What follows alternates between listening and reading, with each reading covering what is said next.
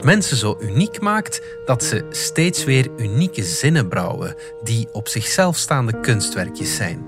Wouter de Pre kwam tot deze heerlijke conclusie op de tram bij het horen van een gesprek tussen twee twintigers. Een gesprek waarin de woorden of zo, misschien, eigenlijk en of ja elkaar op onnavolgbare wijze opvolgden.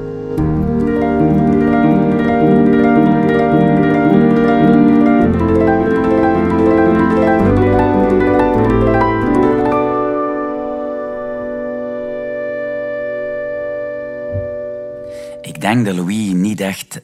Of ja, misschien wel hoor, en merk ik dat gewoon niet, maar ik denk eigenlijk echt niet dat hij geïnteresseerd is in haar of zo. Deze zin hoorde ik op de tram uitspreken door een jonge man van ergens in de twintig tegen een jonge dame met ongeveer dezelfde leeftijd. De zin op zich heeft weinig verdiensten. Dat weet ik ook wel, er zit weinig origineel taalgebruik in. De wendingen zijn slordig. De of ja en de of zo zijn dooddoeners, voegen niets toe, staan als kleine zakjes sluikstort in de zin. De eigenlijk is een irritante mug die overal komt tussenzoomen en die we maar niet uitgeroeid krijgen.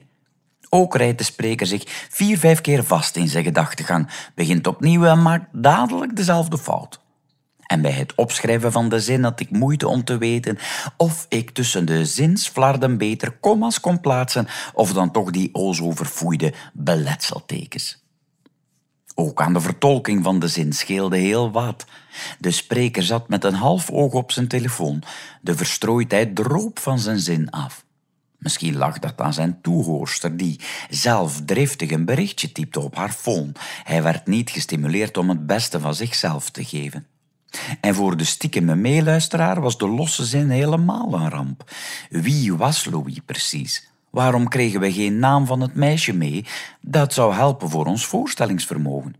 Op welke manier zou hij in haar geïnteresseerd moeten zijn? En wat had zij misschien al ondernomen om hem geïnteresseerd te krijgen? Was dat wel haar wens? Of zat de vriendenkring gewoon stiekem te supporteren? En toch viel me bij het horen van de zin met een flits binnen dat ze waarschijnlijk nooit eerder in de geschiedenis van de ganse mensheid was uitgesproken. Niet alleen bestaat het woord eigenlijk waarschijnlijk nog niet zo lang, en niet alleen kleven we ook nog maar kort overal of zo achter, maar ook de volgorde van de woorden, de specifieke onderbrekingen en aarzelingen, de hoogstpersoonlijke bedenkingen tussenin en het feit dat het om een Louis ging. Het maakte het bijna tot een zekerheid dat niemand ooit deze zin al uitsprak. Ik was diep onder de indruk van de scheppingskracht van de mens, zelfs van zijn meest mompelende exemplaren, terwijl ze slordig hangen tegen het raam van de tram. Ik probeerde nog om onze soort naar beneden te trekken en te denken dat er toch geen verschil was met andere dieren. Elke keer dat een hond loopt, vertoont hij toch ook een volstrekt unieke opeenvolging van spierspanningen en ontspanningen, afgelegde afstanden en afwijkingen van de rechte lijn. Het verschil met de mens, bedacht ik me, is dat de toehoorster van de unieke zin ze ook dadelijk helemaal begreep. En Stantepede met een even unieke zin antwoordde. Ja, maar soms geeft Louis toch wel die indruk. Als zij heel de tijd naar haar stuurt, is het toch niet raar dat Laura denkt dat Louis geïnteresseerd is, of wel soms? Bam!